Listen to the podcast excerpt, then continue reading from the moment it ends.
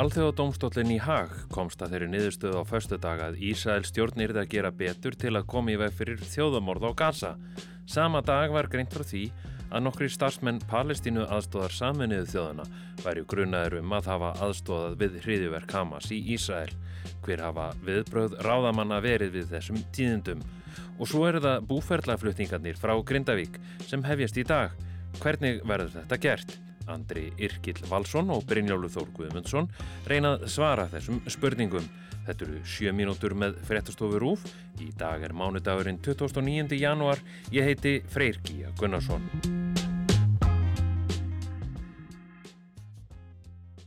The state of Israel shall take all measures within its power to prevent and punish the direct and public incitement to commit genocide Við byrjum á þessum úrskurði alþjóðadómstólsins í Haag, Andri Yrkill. Dómstólinn hann er ekki að kveða upp svona endalega dóm um það hvort Ísrael hafi framið þjóðamorð eða, eða ekki. Nei, bráðabera niðurstaðan er í megin aðtriðum svo að tryggja að aðgerðir Ísraels hers verði ekki að þjóðarmorði. Ísrael er ekki gert að hætta árásum en svona tryggja að almennir borgarar þeim sé hlýft í meira mæli en nú er loka niðurstöðu dómsins er ekki að venda fyrir kannski eftir einhver ár en það að dómstólinn vísi ekki frá þessari klausu um mögulegt þjóðarmór, það kannski segir eitthvað. Viðbröð íslenskra stjórnvalda við þessari niðurstöðu, hver voru þau? Það kom yfirlýsing frá utaríkisræðunettinu þar sem já, stjórnvöld sögðust virða niðurstöðuna og bara kalla eftir að farið verði eftir henni og, og ítrekka þessa ósýna um að það verði vopnarlið og, og, og það verði hérna veitt mannúaraðstóð til þessa fólk sem er fast hérna á gasa. Akkurat, akkurat. Uh, en sama dag, þá er nú greint frá því að það er hérna lítið hlópur starfsmanna Palestínu aðstóðar saminuðu þjóna sem er uh, grunaður um að hafa aðstóðað við hriðiverk Hamas í Ísæl. Uh, by the Commissioner General of UNRWA, Philippe uh, Lazzarini, regarding extremely serious allegations which implicate several UNRWA staff members in the terror attacks of October 7th in Israel. Hver voru viðbröð íslenska stjórnvalda við þessum tíðendum? Kvöldlegum sérstaklega eftir viðbröðum frá stjórnvöldum, sérstaklega því að mörg ríki höfðu farið þá leið að frista fjárframlög til stofnunarinnar og meðan málið yrði rannsakað Nú það kom yfirlýsing frá utaríkjursáð þeirra síðdegis á laugardag þar sem ákveði var að fara þessa sömu leið allavega á meðan e, það því haft samráð við önnur ríki á Norðurlöndunum. Þar er fólk ekki á, eða stjórnvöld ekki á samamáli, norðmenn ætla ekki að frista greiðslur, finnar ætla að gera það, þannig að við vitum ekki hvort að Norðurlöndin ætla að taka sig betur saman um hvað skal gera en, en þetta er ennþá svolítið í lausulofti.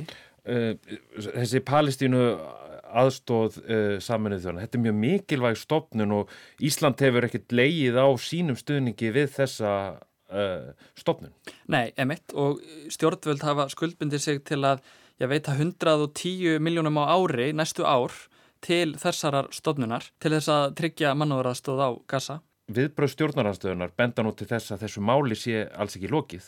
Þetta eru því mjög harkaleg viðbröð að refsa miljónum manna í algjöru manna. Eh, mér finnst skipta miklu mála að við fylgjum Norðurlandunum en ekki síður hitt að við skoðum alla leiði til þess að hjálpa fólki. Og fyrstu viðbröð Íslasku ríkstjórnarinnar er að stöðva mannúðaraðstóð til gasa. Þetta er algjörlega. Alls ekki og þar er eiginlega viðbröðin á eina leið að þetta hafi verið harkaleg viðbröð og þarna akkurat komum við aftur inn á niðurstuðu alþjóð domstólsins á föstudag þar sem var ítrekkað að það þurfi að tryggja betur mannúðar aðstóð á gasa á sama tíma eru ríki að skera niður framlög til mikilvægustu stofnunarinnar sem sér um þau mál.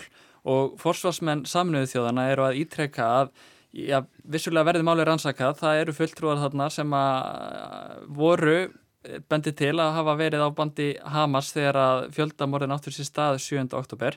Það megi ekki koma niður á fjöldanum og bara skora á ríki að, að hætta við að, að skera niður fjárframlegin því eins og oft í svona málum þá kemur þetta verst niður á já, þeim sem minnst mega sín. Velkomin á upplýsingafönd okkar um stöðuna í Grindavík og Suðunisjum. Brynjólfur, þú fylgist með upplýsingafundi almannavarna í hátteginu gær. Þar var ljósi varpað á mjög flókna búferðlaflutninga sem hefjast frá Grindavík í dag. Þetta er heljarinnar aðgerð. Þetta er mikil aðgerð og það er ljóst að yfirvöld vilja ekki lenda í sömu stöðu og í november.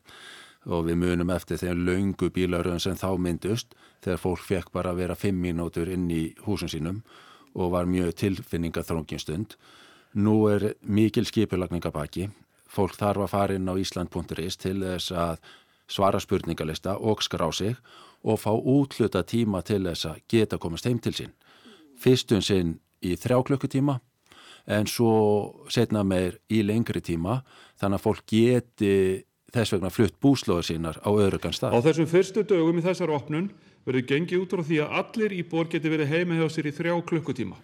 Og yfirvöld ætla að vera með talsverðan viðbúnað þegar að fólk fer inn í Grindavík. Það er mikill viðbúnar eins og segir. Það verða 70 manns á staðnum til að tryggja öryggi og grýpa inn í ef þörf krefur.